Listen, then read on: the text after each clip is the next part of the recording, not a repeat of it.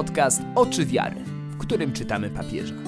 Przekładamy poważne kościelne dokumenty na codzienne życie i ludzki język. Zostań z nami. Cześć przy mikrofonie Kasia Kajzar, podcast Oczy Wiary, seria Christus Vivit, odcinek dziesiąty. Dość. Do nagrania tego odcinka zbieram się jak do jeża.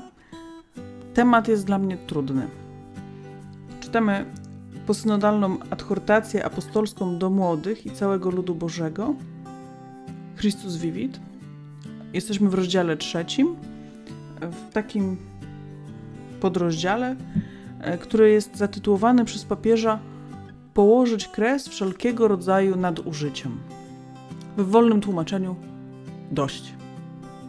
W czasie, kiedy ta adhortacja była wydana, w marcu 2019 roku, wydawało się, że taki temat, który powinien wypłynąć w kwestii nadużyć, to temat nadużyć seksualnych ze strony osób związanych z Kościołem.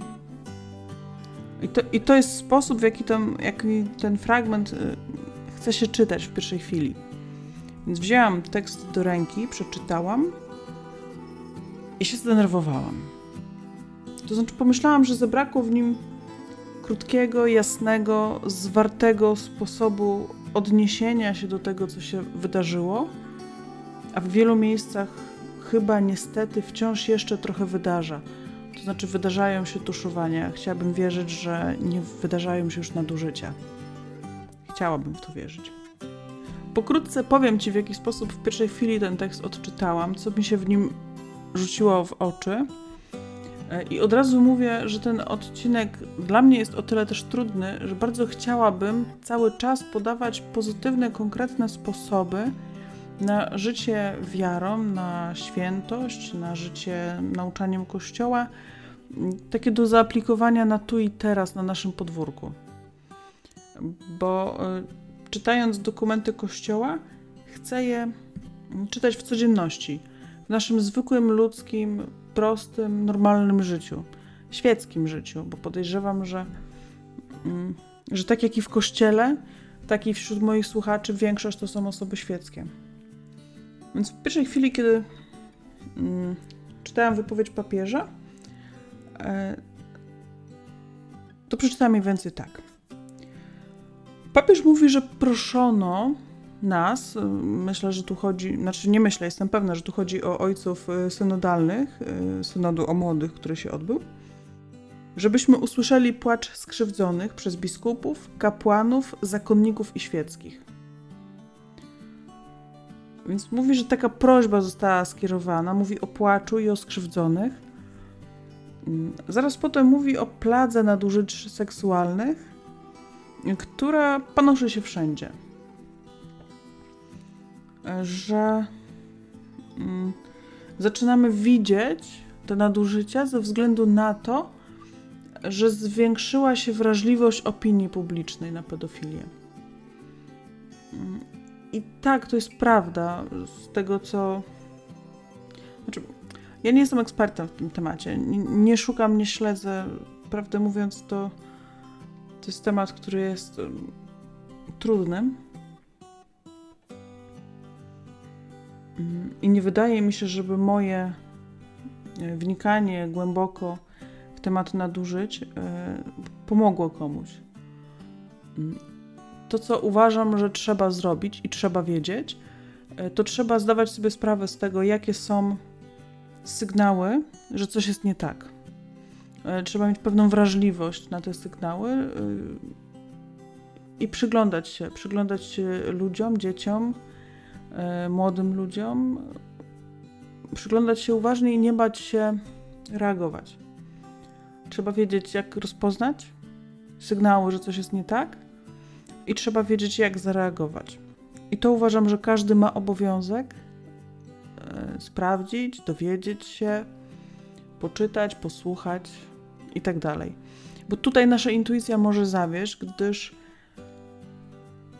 do tej pory zawiodła. Tak? Zawiodła intuicja, zawiodła intuicja poprzednich pokoleń, e, więc to jest taki obszar, w którym kolejne pokolenia muszą się po prostu douczyć. Musi się odbyć pewna praca edukacyjna. wróćmy do tekstu. Papież mówi, że zwiększyła się wrażliwość i dopiero teraz widzimy jakoś lepiej ten, to nieszczęście, to nieszczęście, tak, tak, nazwijmy, bo to jest prawidłowe określenie. To jest nieszczęście dla wszystkich, ale oczywiście największe dla tych, którzy zostali skrzywdzeni. Ja się zastanawiam, jak to się stało, że Kościół tyle razy w tak różnych sytuacjach był tym, który uwrażliwiał społeczeństwo moralnie i na krzywdę, a tutaj papież pisze tak, jakby w społeczeństwie zwiększyła się wrażliwość, no to teraz już widzimy.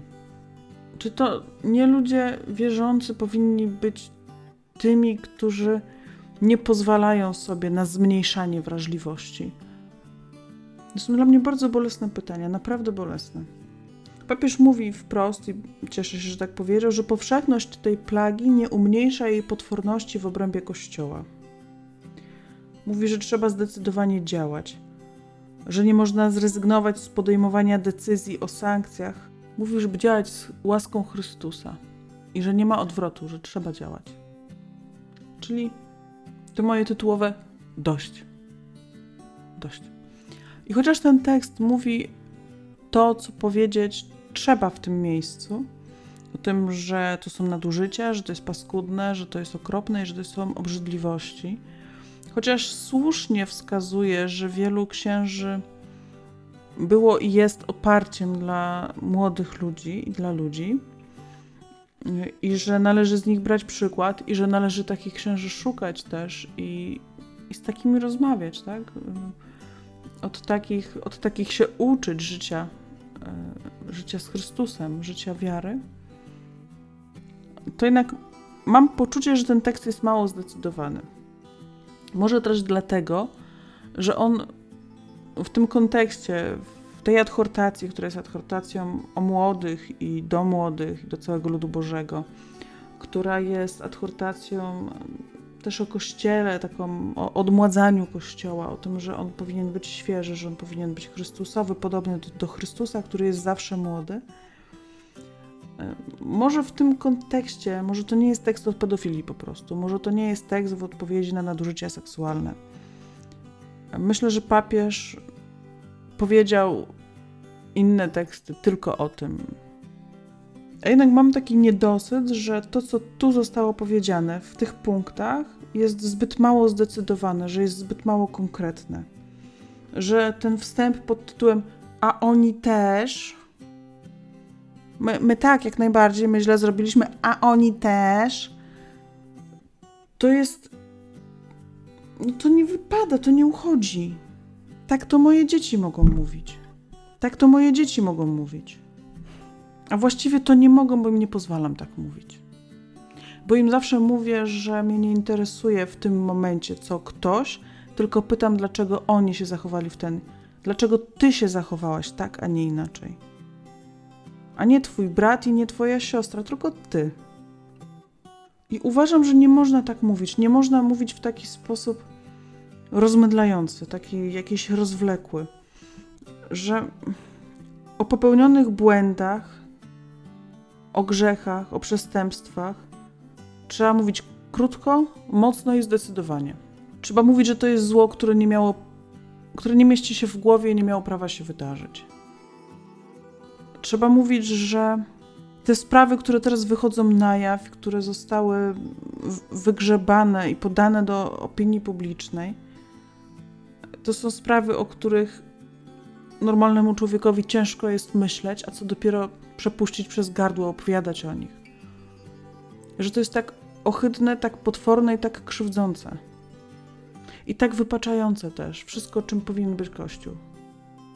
Chociaż to w tym w tym kontekście, czy to wypacza Kościół, czy nie, e, wydaje się mniej istotne niż sam fakt, że ktoś został potwornie skrzywdzony na całe życie i to nie raz, tylko wielokrotnie, również przez zaprzeczenia, również przez wypaczenia, również przez niesłuchanie go, przez nienaprawianie szkód, przez pozwolenie, by ta krzywda działa się dalej kolejnym ludziom. Myślę, że trzeba powiedzieć, że to zło nie miało prawa się wydarzyć między ludźmi, jakimikolwiek ludźmi. I fakt, że wydarzyło się w kościele pomiędzy tymi, których życie miało być oddane innym całkowicie i niepodzielnie na służbę, w ofierze dane, ofiarowane, może tak, ofiarowane innym, dowodzi nieprzygotowania struktur kościoła. W wielu miejscach, w zbyt wielu miejscach, w każdym jednym to już jest za dużo, zabrakło prewencji, później zabrakło uważności, a później zabrakło reakcji. To nie jest jeden błąd, to jest cała seria błędów, grzechów i okrucieństw. W wielu reakcja była karygodna i równie przestępcza jak same nadużycie. I uważam, że nie powinniśmy zmiękczać przekazu, nie powinniśmy rozmydlać. Że to trochę tak jak, nie wiem, przyjeżdżasz na miejsce wypadku, człowiek wypadł z zakrętu i nie przeżył, wypadku samochodowego, i ty przyjeżdżasz, stajesz nad samochodem i mówisz: O, nie żyje, ale dobrze, że buty chociaż całe. No, no jakoś nie, prawda? Stoimy i przeżywamy śmierć i, i płaczemy nad nią. I tutaj też bądźmy krótcy i jaśni w przekazie, nie mylmy porządków, po prostu nie mylmy porządków. Jeżeli wydarzyło się coś, co wydarzyć się nie miało prawa, co normalnemu człowiekowi nie przechodzi przez gardło nawet, albo i przez myśl, i to się stało, i my mamy na to dowody, to mówimy krótko, że się stało i nie tłumaczymy, że ktoś inny też coś zrobił nie tak. Tak? I nie mówimy, że no tak, zginął ten człowiek, ale w sumie to dziesiątki tysięcy ludzi przejeżdżają ten zakręt i żyją. No tak, ale ten człowiek zginął. Papież Franciszek nie pisze w tym fragmencie tylko o pedofilii. Ja zdaję sobie sprawę z tego, że w, tym, w tej chwili mam emocjonalne podejście do tematu. Pewnie też nakręcane wałkowaniem czegoś, co jest ohydne i obrzydliwe i o czym nie chciałabym wiedzieć. Ale nie mogę zamknąć oczu i uszu. Papież pisze o nadużyciach władzy. Nie pisze tylko o pedofilii. Pisze, że istnieją różne rodzaje nadużyć: nadużycie władzy, gospodarcze, sumienia i seksualne. Czym jest nadużycie władzy? Myślę, że czujemy wszyscy. Gospodarcze też ten temat jakoś się pojawia, tak? O tym, w jaki sposób gospodarczo można wyzyskać, jeden człowiek czy jedna grupa ludzi może wyzyskać innych. Nadużycie sumienia. To mnie zastanawiał ten punkt. Czym jest nadużycie sumienia? Czy tu chodzi o to, że w taki sposób kształtuję sumienie młodego człowieka, czy w ogóle człowieka drugiego? W taki sposób staram się wpłynąć na jego sumienie, żeby móc czerpać z tego korzyści? Czy też naginam swoje własne sumienie w taki sposób, żeby nie widzieć grzechu, który popełniam? Tak czy tak? Należy zwrócić uwagę na poprawne kształtowanie sumienia to trochę tak jak ze szkołą i z motywacją wewnętrzną i zewnętrzną. Możemy karać i nagradzać i w ten sposób próbować nauczyć człowieka jakiegoś rytmu zachowania, a możemy przekazać mu wartości, którymi powinien się kierować, i wtedy on będzie wiedział, co jest słuszne, a co nie. Wtedy nie będzie potrzebował kary i nie będzie robił czegoś z obawy przed karą albo z obawy przed tym, że nie otrzyma nagrody, co też jest karą, tylko będzie podejmował decyzje w oparciu o swój wewnętrzny, moralny kompas, o swoje sumienie właśnie, o, wartość, o system wartości, który zbudował. To jest wielka praca, żeby prawidłowo, poprawnie kształtować sumienia. I wymaga też dużo pokory, dlatego że, dlatego, że to jest żmudna, długa praca. I ona przyniesie efekt czasem po latach dopiero. Zresztą to jest jak z wychowaniem dziecka, tak? Możemy zdyscyplinować dziecko natychmiast, siłą i przez parę lat to podziała, potem się sypnie, albo możemy kształtować w nim postawę i wewnętrzne przekonania, motywacje, wartości, przekazywać mu wartości, którym sami żyjemy. I wtedy to dziecko będzie dużo później reagować tak, jakbyśmy chcieli. Prościej byłoby to powiedzieć tak, że dziecko, które jest kształtowane w sposób bez nagród i kar, może przez dłuższy czas zachowywać się w sposób nieakceptowalny społecznie. Natomiast potem będzie wiedziało, dorosły, na którego sumienie próbujemy wpłynąć, chcemy wpłynąć, może długo nie rozumieć, o czym mówimy. Przekonać, pokazać, wyjaśnić jest zawsze dużo trudniej niż kazać albo zakazać. Ale nadużycie sumienia to chyba sumienie perfidnie kształtowane w zły sposób? Perfidnie kształtowane tak, żeby dla własnych korzyści je wykorzystać później danego człowieka? Nie wiem. Może ty wiesz, czym jest nadużycie sumienia? W tym kontekście. Zdanie brzmi tak. Istnieją różne rodzaje nadużyć: władzy, gospodarcze, sumienia seksualne. Papież apeluje o to, żeby ja tu zapisałam sobie w notatkach wywalić formy sprawowania władzy, ale to chyba nie jest najeleganciej powiedziane. Wykorzenić. Oczywiste jest zadanie wykorzenienia tych form sprawowania władzy, na które nadużycia się nakładają, oraz przeciwdziałanie brakowi odpowiedzialności i przejrzystości, jakie miały miejsce w zajmowaniu się wieloma przypadkami.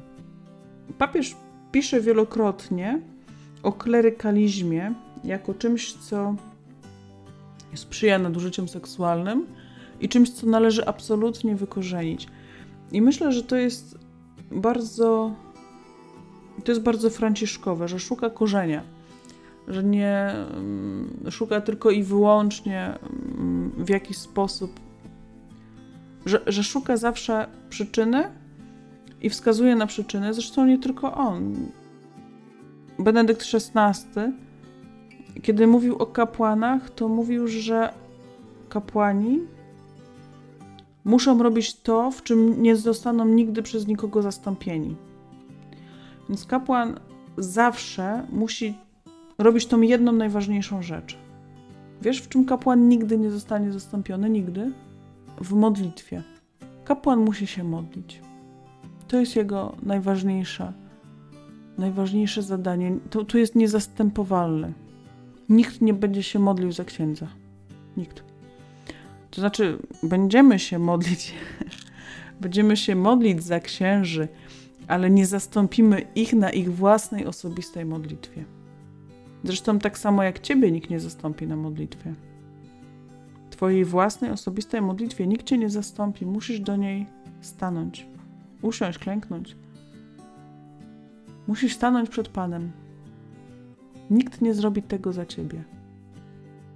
Papież pisze: Klerykalizm jest ciągłą pokusą kapłanów którzy interpretują otrzymaną posługę jako władzę, którą należy wypełnić, a nie bezinteresowną i wielkoduszną służbę, którą należy ofiarować.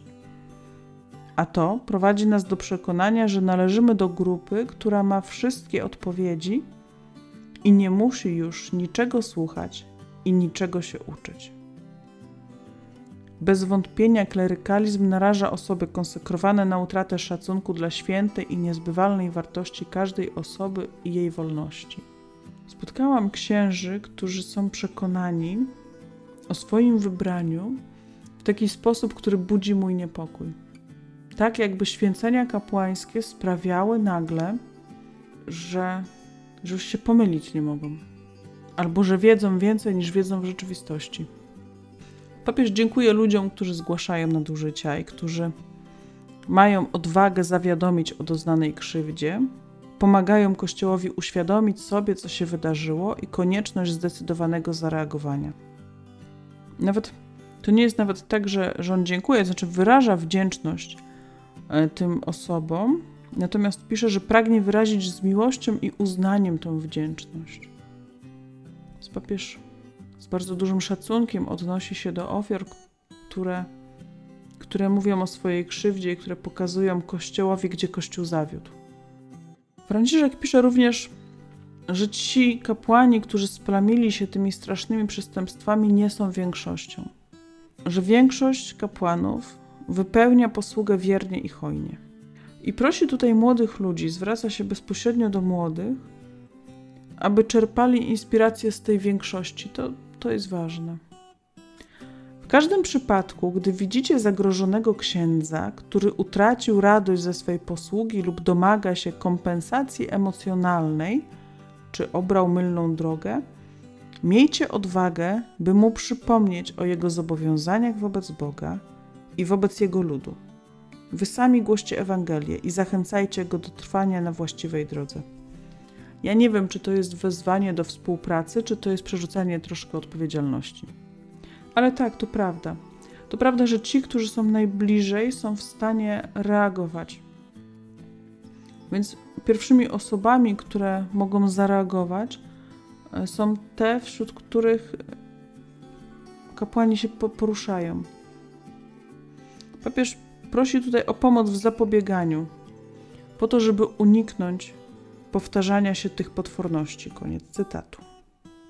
Zastanawiam się, w jaki sposób w naszych polskich warunkach można zareagować, kiedy widzimy, że kapłan jest zagrożonym księdzem, jak to Franciszek, przepraszam, jest zagrożonym księdzem, jak to Franciszek pisze. Swoją drogą bardzo interesujące sformułowanie, ciekawe jak w innych językach, e, który utracił radość ze swojej posługi. Więc mamy księdza, który pracuje w parafii i robi to, bo musi, i tak wygląda, i przynajmniej tak się wydaje. I co my możemy zrobić? Podejść do niego, a będzie się uśmiechnął? No, może tak. Znaczy, to, to jest trudne. No, na skargę do proboszcza chyba nie pobiegniemy, a tym bardziej do biskupa. No bo co mu powiemy, że, że tamten ksiądz robi, bo musi? A nie wiem, a może właśnie tak trzeba. W jaki sposób można reagować? Widzimy księdza, który domaga się kompensacji emocjonalnej albo obrał mylną drogę. Cieszy mnie to, że papież zwraca jakby, mm, jakby wkłada w ręce świeckich takie, takie przekonanie, że to, co my mówimy, to, co my widzimy, to, co my czujemy, ma znaczenie. Natomiast na poziomie tego dokumentu to jest mm, to jest zachęta, która wymaga przepracowania. Jeszcze bardzo dużego przepracowania. Niestety słyszałam zbyt wiele historii o tym, że ksiądz w kontakcie ze świeckimi w ogóle nie przyjmuje tego, co jest do niego mówione, w ogóle nie słyszy. Nie słyszy. Etykietuje często świeckich widzi w nas zagrożenie. To znaczy, nie, nie mam na myśli wszystkich kapłanów, którzy tak robią, bo zdecydowanie większość tych, których spotkałam, to raczej słucha, co się do nich mówi, albo przynajmniej sprawia takie wrażenie. Ale są tacy, którzy nie słuchają. Ja spróbuję mimo wszystko jakiś konkret życiowy wyciągnąć z tego wszystkiego, co tu zostało powiedziane i z tego też, co zaraz przeczytamy. Papież mówi, chociaż akurat nie w tym dokumencie, ale też w jednej ze swoich wypowiedzi poszukałam mm, dokładniejszych wypowiedzi na temat e, grzechów pedofilii i, nadużyć seksualnych e, w kościele. E, papież mówi o autorytarnym sprawowaniu władzy jako, i o nadużywaniu władzy jako jednej z przyczyn. W związku z powyższym, tą pozytywną rzeczą, którą możemy zrobić, jest myślę, że po pierwsze nie poddawanie się takiemu autorytarnemu sprawowaniu władzy. I nie namawiam tutaj absolutnie do wychodzenia poza dyscyplinę Kościoła, bo wielu świętych odbiło się o struktury Kościoła, o, o przełożonych, którzy zakazywali sprawowania publicznego Eucharystii albo głoszenia kazań, sprawowania sakramentów tak, ojciec Pio miał nałożone takie kary na siebie, mm, ojciec Dolindo, wielu, wielu innych. I to trzeba przyjąć, e, bo Kościół zawsze stał na posłuszeństwie. To jest, jedna z, to jest jeden z elementów pokory. To, że przyjmujemy e, i czekamy, bo Pan Bóg obroni. Pan Bóg obroni e, świętość i tak będzie zawsze. I trzeba mu zaufać, trzeba Panu Bogu też zaufać. Więc ja nie namawiam do tego, żeby wychodzić poza. Jak ci proboszcz nie pozwoli czegoś zrobić, to ci nie pozwoli. Koniec, kropka, nie pozwolił. Natomiast też nie jest tak, że nie możemy się sprzeciwić. Nie możemy mu powiedzieć, co uważamy. Tak? Nie, to, to, to nie jest tak, że coś, e, ktoś nadużywa władzy w sposób autorytarny, robi to regularnie, a my stoimy i klaszczemy, albo w ogóle się nie odzywamy, albo w ogóle nie, nie reagujemy. Poczucie wyniosłości, elitaryzm oraz klerykalizm to też jest mm, pewien, pewien czynnik sprzyjający nadużyciom w kościele. Myślę, że nie tylko seksualnym, bo, mm, bo to też prowadzi do nadużycia właśnie władzy, właśnie y, może też prowadzić do nadużycia sumienia, jakichś sądów sumienia. To nie jest tak, że młody człowiek, który zostaje wyświęcony na kapłana, nagle się odmienia. On będzie takim kapłanem, jaki był dotychczas człowiekiem. I oczywiście, że sakrament kapłaństwa to jest miejsce, gdzie Pan Bóg uświęca i prowadzi i daje siły, których ten człowiek mógłby nie mieć sam z siebie, nie miałby sam z siebie. Tak jak i, tak jak i sakrament małżeństwa wspiera i pomaga małżonkom w tym, żeby byli jak najlepszym małżeństwem, jak najbardziej ukazywali swoją miłością to, czym jest miłość, czym jest Bóg i jak On nas kocha. Ale swoje historie życia niesiemy od urodzenia. Dobrze jest, żeby każdy z nas w pokorze pamiętał, że urodziliśmy się tak samo, nadzy. Wszyscy urodziliśmy się jako ludzie świeccy. Więcej, wszyscy urodziliśmy się nieochrzczeni. To jest cały czas droga. I my świeccy też często traktujemy księży w taki sposób, że wspieramy w nich niezdrowe poczucie wybrania.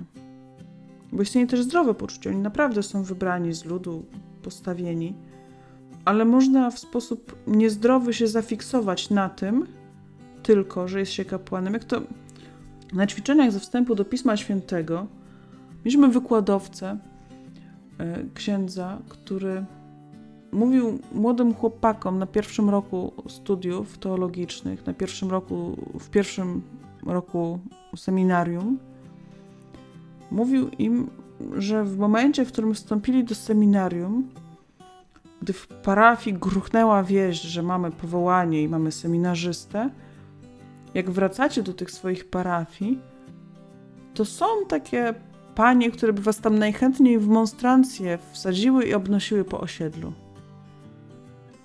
Ale wy nie staliście się od tego lepsi inni i nie będzie wam łatwiej, nie przestaliście grzeszyć. Dalej jesteście tymi samymi ludźmi. Ktoś kiedyś o, o jednym z zakonów powiedział, że bardzo wcześnie w tym zakonie dostaje się habit, bo tam w zasadzie po, po roku już się dostaje habit, jest się obuczonym, ale pod habitem jest dalej ten sam człowiek. Pod suntanną też.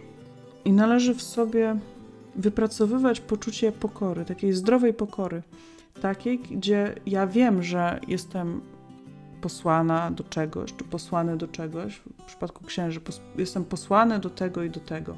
Jestem posłany, by by być kapłanem, by przewodniczyć zgromadzeniu liturgicznemu i tak dalej, by towarzyszyć ludziom, by wspierać, by, by dbać o rozwój duchowy ludzi, którzy są koło nas. I to trzeba wiedzieć. I trzeba też wiedzieć, że Pan Bóg w tej posłudze będzie błogosławił i będzie dawał takie dary, o jakich nawet nie śniłeś. Ale trzeba też wiedzieć, że dalej jesteś człowiekiem, który jest słaby i który sam z siebie by tego nie zrobił. Sam nie dałby rady. I my wszyscy musimy w sobie budować poczucie takiej zdrowej pokory. Bo jeśli matka i ojciec będą pokorni, to ich syn, przyszły kapłan, nauczy się tego w domu. Nauczy się w domu, kim jest, jakie jest jego miejsce, ale nie w takim sensie, że będzie wiedział, w którym szeregu stanąć i tak dalej, chociaż też będzie wiedział, oczywiście.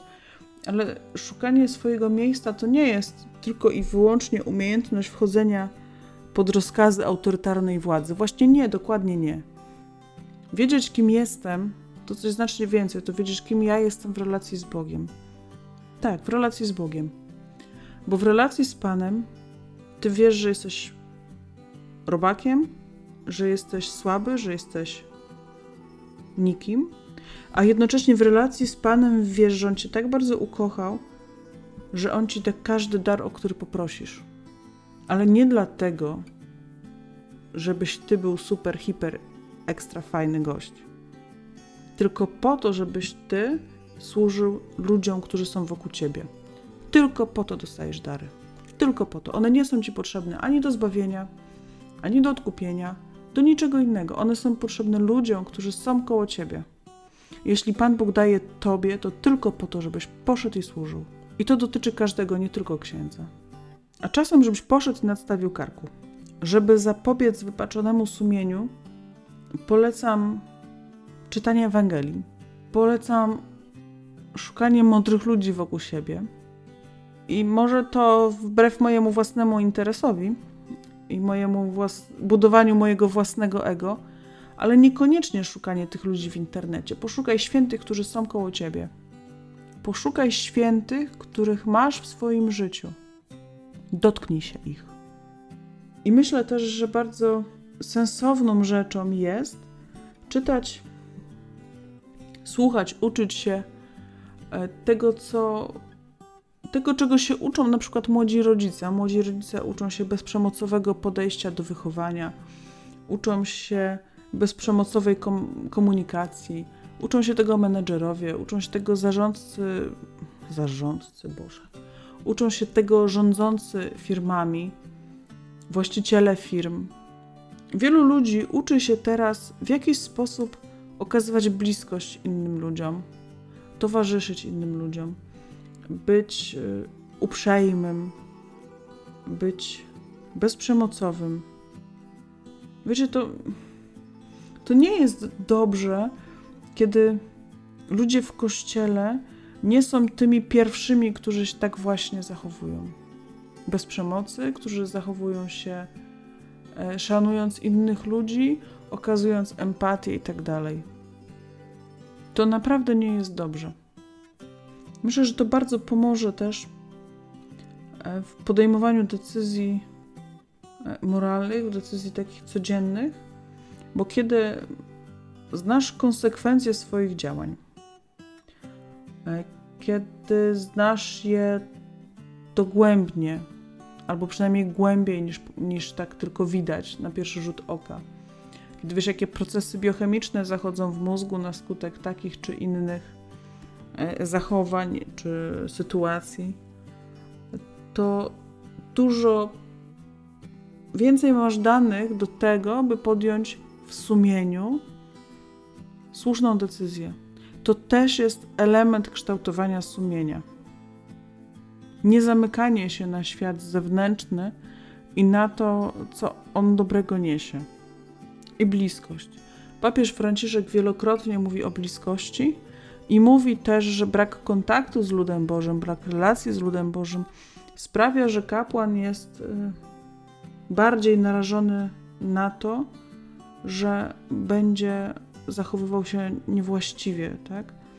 Że to jest taka, e, taka podkładka, taka, taka pożywka do, do tego, by doszło do nadużyć. I tutaj mówi o tych wszystkich nadużyciach, o których mówił wcześniej, nie tylko o seksualnych nadużyciach władzy, gospodarczych, e, sumienia. Więc naszą troską powinno być to, żebyśmy się nawzajem znali na płaszczyźnie ludzkiej. Pamiętajcie, że kapłan wraca do pustego pokoju. Wielu kapłanów mówi teraz o tym, jak wielkiej samotności doświadczają w swoim kapłaństwie. Nawet jeśli są cały czas aktywni w pracy z ludźmi gdzieś w duszpasterstwach, w parafiach, to potem zawsze wracają w taką przestrzeń, gdzie są samotni. Może warto wyjść do księdza, może warto z nim wejść w relacje. Takie zupełnie normalne międzyludzkie relacje. Bardzo zachęcam Ciebie do podzielenia się informacją o podcaście Oczy Wiary ze swoimi znajomymi, z przyjaciółmi. Udostępnijcie ten odcinek, powiedzcie o nim komuś i czytajmy razem papieża Franciszka. Niech jego nauczanie będzie znane. i niech nasze życie będzie jak najbardziej ewangeliczne. Bardzo Cię przepraszam za długość tego wstępu. Mam nadzieję, że jeszcze masz dość siły i zapraszam. Posłuchajmy papieża. Chrystus Vivit, punkty 95 do 102. Położyć kres wszelkiego rodzaju nadużyciom. W ostatnim czasie stanowczo poproszono nas, abyśmy usłyszeli wołanie ofiar różnego rodzaju nadużyć popełnionych przez niektórych biskupów, kapłanów, zakonników i świeckich. Te grzechy wywołują u ofiar cierpienia, które mogą trwać przez całe życie i których żadna skrucha nie jest w stanie naprawić. Zjawisko to szerzy się w społeczeństwie, dotyka również Kościoła i stanowi poważną przeszkodę dla jego misji. Prawdą jest, że plaga nadużyć seksualnych wobec nieletnich jest niestety zjawiskiem rozpowszechnionym historycznie we wszystkich kulturach i społeczeństwach, zwłaszcza w łonie własnych rodzin oraz w różnych instytucjach, którego rozpowszechnienie stało się widoczne głównie dzięki zmianie wrażliwości opinii publicznej. Ale powszechność tej plagi, potwierdzając jej powagę w naszych społeczeństwach, nie umniejsza potworności w obrębie Kościoła a w usprawiedliwionej złości ludzi Kościół widzi odbicie gniewu Boga, zdradzonego i spoliczkowanego. Synod potwierdza zdecydowanie zobowiązanie do przyjęcia surowych środków zapobiegawczych, które uniemożliwiają powtórzenie się tych zjawisk, począwszy od doboru i formacji tych, którym zostaną powierzone odpowiedzialne funkcje i zadania wychowawcze. Jednocześnie nie można zrezygnować z decyzji o zastosowaniu jakże niezbędnych działań i sankcji. A wszystko to z łaską Chrystusa. Nie ma już odwrotu. Istnieją różne rodzaje nadużyć: władzy, gospodarcze, sumienia, seksualne. Oczywiste jest zadanie wykorzenienia tych form sprawowania władzy, na które owe nadużycia się nakładają oraz przeciwdziałanie brakowi odpowiedzialności i przejrzystości, jakie miały miejsce w zajmowaniu się wieloma przypadkami. Pragnienie panowania, brak dialogu i przejrzystości, formy podwójnego życia, pustka duchowa, a także kruchość psychiczna są przestrzenią, na której kwitnie demoralizacja. Klerykalizm jest ciągłą pokusą kapłanów, którzy interpretują otrzymaną posługę jako władzę, którą należy wypełniać a nie bezinteresowną i wielkoduszną służbę, którą należy ofiarować. A to prowadzi nas do przekonania, że należymy do grupy, która ma wszystkie odpowiedzi i nie musi już niczego słuchać i niczego się uczyć. Bez wątpienia klerykalizm naraża osoby konsekrowane na utratę szacunku dla świętej i niezbywalnej wartości każdej osoby i jej wolności. Wraz z ojcami synodalnymi pragnę wyrazić z miłością i uznaniem Wdzięczność tym, którzy mają odwagę zawiadomić o doznanej krzywdzie, pomagają Kościołowi uświadomić sobie, co się wydarzyło i konieczność zdecydowanego zareagowania. Ale zasługuje również na szczególne uznanie szczere zaangażowanie niezliczonych osób świeckich, kapłanów, osób konsekrowanych i biskupów, którzy codziennie dają siebie, służąc młodzieży uczciwie i z poświęceniem. Ich praca jest niczym las, który rośnie nie czyniąc szumu. Także wielu młodych ludzi obecnych na synodzie wyraziło wdzięczność tym, którzy im towarzyszyli i podkreślało wielką potrzebę autorytetów. Dzięki Bogu kapłani, którzy splamili się tymi strasznymi przestępstwami, nie są większością. Większość stanowią natomiast ci, którzy wypełniają posługę wiernie i hojnie. Proszę ludzi młodych, aby czerpali inspirację z tej większości. W każdym przypadku, gdy widzicie zagrożonego księdza, który utracił radość ze swej posługi lub domaga się kompensacji emocjonalnej, czy obrał mylną drogę, miejcie odwagę, by mu przypomnieć o jego zobowiązaniach wobec Boga i jego ludu. Wy sami głoście Ewangelię i zachęcajcie go do trwania na właściwej drodze. Czyniąc w ten sposób, okażecie nieocenioną pomoc w czymś podstawowym zapobieganiu, pozwalającym uniknąć powtarzania się tych potworności. Ta czarna chmura staje się też wyzwaniem dla ludzi młodych, kochających Jezusa Chrystusa i Jego Kościół, ponieważ mogą wnieść wielki wkład, jeśli zaangażują swoją zdolność do odnowy, domagania się i egzekwowania konsekwencji i świadectwa, by móc na nowo marzyć i odnawiać się. Nie jest to jedyny grzech członków Kościoła, którego historia ma wiele cieni. Nasze grzechy są przed oczyma wszystkich. Odbijają się one bez litości w zmarszczkach tysiącletniej twarzy Kościoła, naszej matki i nauczycielki. Pielgrzymuje ona bowiem od dwóch tysięcy lat, dzieląc radości i nadzieje, smutki i lęki ludzi. I podąża ona z nami taka, jaką jest, bez jakichkolwiek operacji plastycznych. Nie boi się wskazywać grzechy, które czasami niektórzy członkowie Kościoła próbują ukryć przed płonącym światłem usuwającego brud i oczyszczającego słowa Ewangelii. Nie przestaje powtarzać każdego dnia zawstydzona. Zmiłuj się nade mną, Boże, w swojej łaskawości. Grzech mój mam zawsze przed sobą. Ale pamiętajmy, że matki się nie porzuca, gdy jest zraniona, lecz przeciwnie. Towarzyszy się jej, aby mogła zaczerpnąć ze swego wnętrza całą swą siłę i zdolność do nieustannego rozpoczynania od nowa. W tym dramacie, który słusznie rani duszę, Pan Jezus, który nigdy nie porzuca swojego kościoła, daje mu siłę i narzędzia do podjęcia nowej drogi. Tak więc ten ciemny moment, przy bezcennej pomocy ludzi młodych, może naprawdę być szansą na reformę o znaczeniu epokowym, aby otworzyć się na nową pięćdziesiątnicę i rozpocząć etap oczyszczania i zmiany, który dałby Kościołowi odnowioną młodość. Ale ludzie młodzi mogą pomóc znacznie bardziej, jeśli sercem czują się częścią świętego i cierpliwego, wiernego ludu Bożego, podtrzymywanego i ożywianego przez Ducha Świętego. Bo to właśnie ten święty lud Boży uwolni nas od plagi klerykalizmu, który jest żyzną glebą dla tych wszystkich obrzydliwości.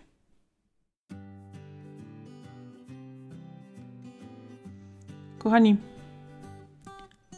życzę nam wszystkim, żebyśmy kochali Kościół. Teraz bardzo wielu ludzi odchodzi z Kościoła, albo chce odejść z Kościoła, albo trochę też tak nam się mówi. I to jest bardzo bolesny proces. Ja zawsze przypominam sobie świętego Pawła, kiedy pokazał mu się Jezus pod Damaszkiem. Paweł jechał właśnie aresztować chrześcijan, żeby ich zabić, jeśli nie wyrzekną się Chrystusa. I Chrystus pokazał się Pawłowi i spytał, czemu mnie prześladujesz? Ja to często powtarzam, czemu mnie prześladujesz? I on nie powiedział, czemu prześladujesz moich chrześcijan? Ani nie powiedział, wiesz, ja założyłem kościół, a ty mi go chcesz zepsuć, czemu to robisz? Nie, nie. On powiedział, czemu mnie prześladujesz? Chrystus utożsamia się z Kościołem, utożsamia się z Tobą, utożsamia się ze mną. Jeśli chcemy kochać Chrystusa, to chcemy też kochać Kościół. Do usłyszenia za dwa tygodnie. Wszystkiego dobrego.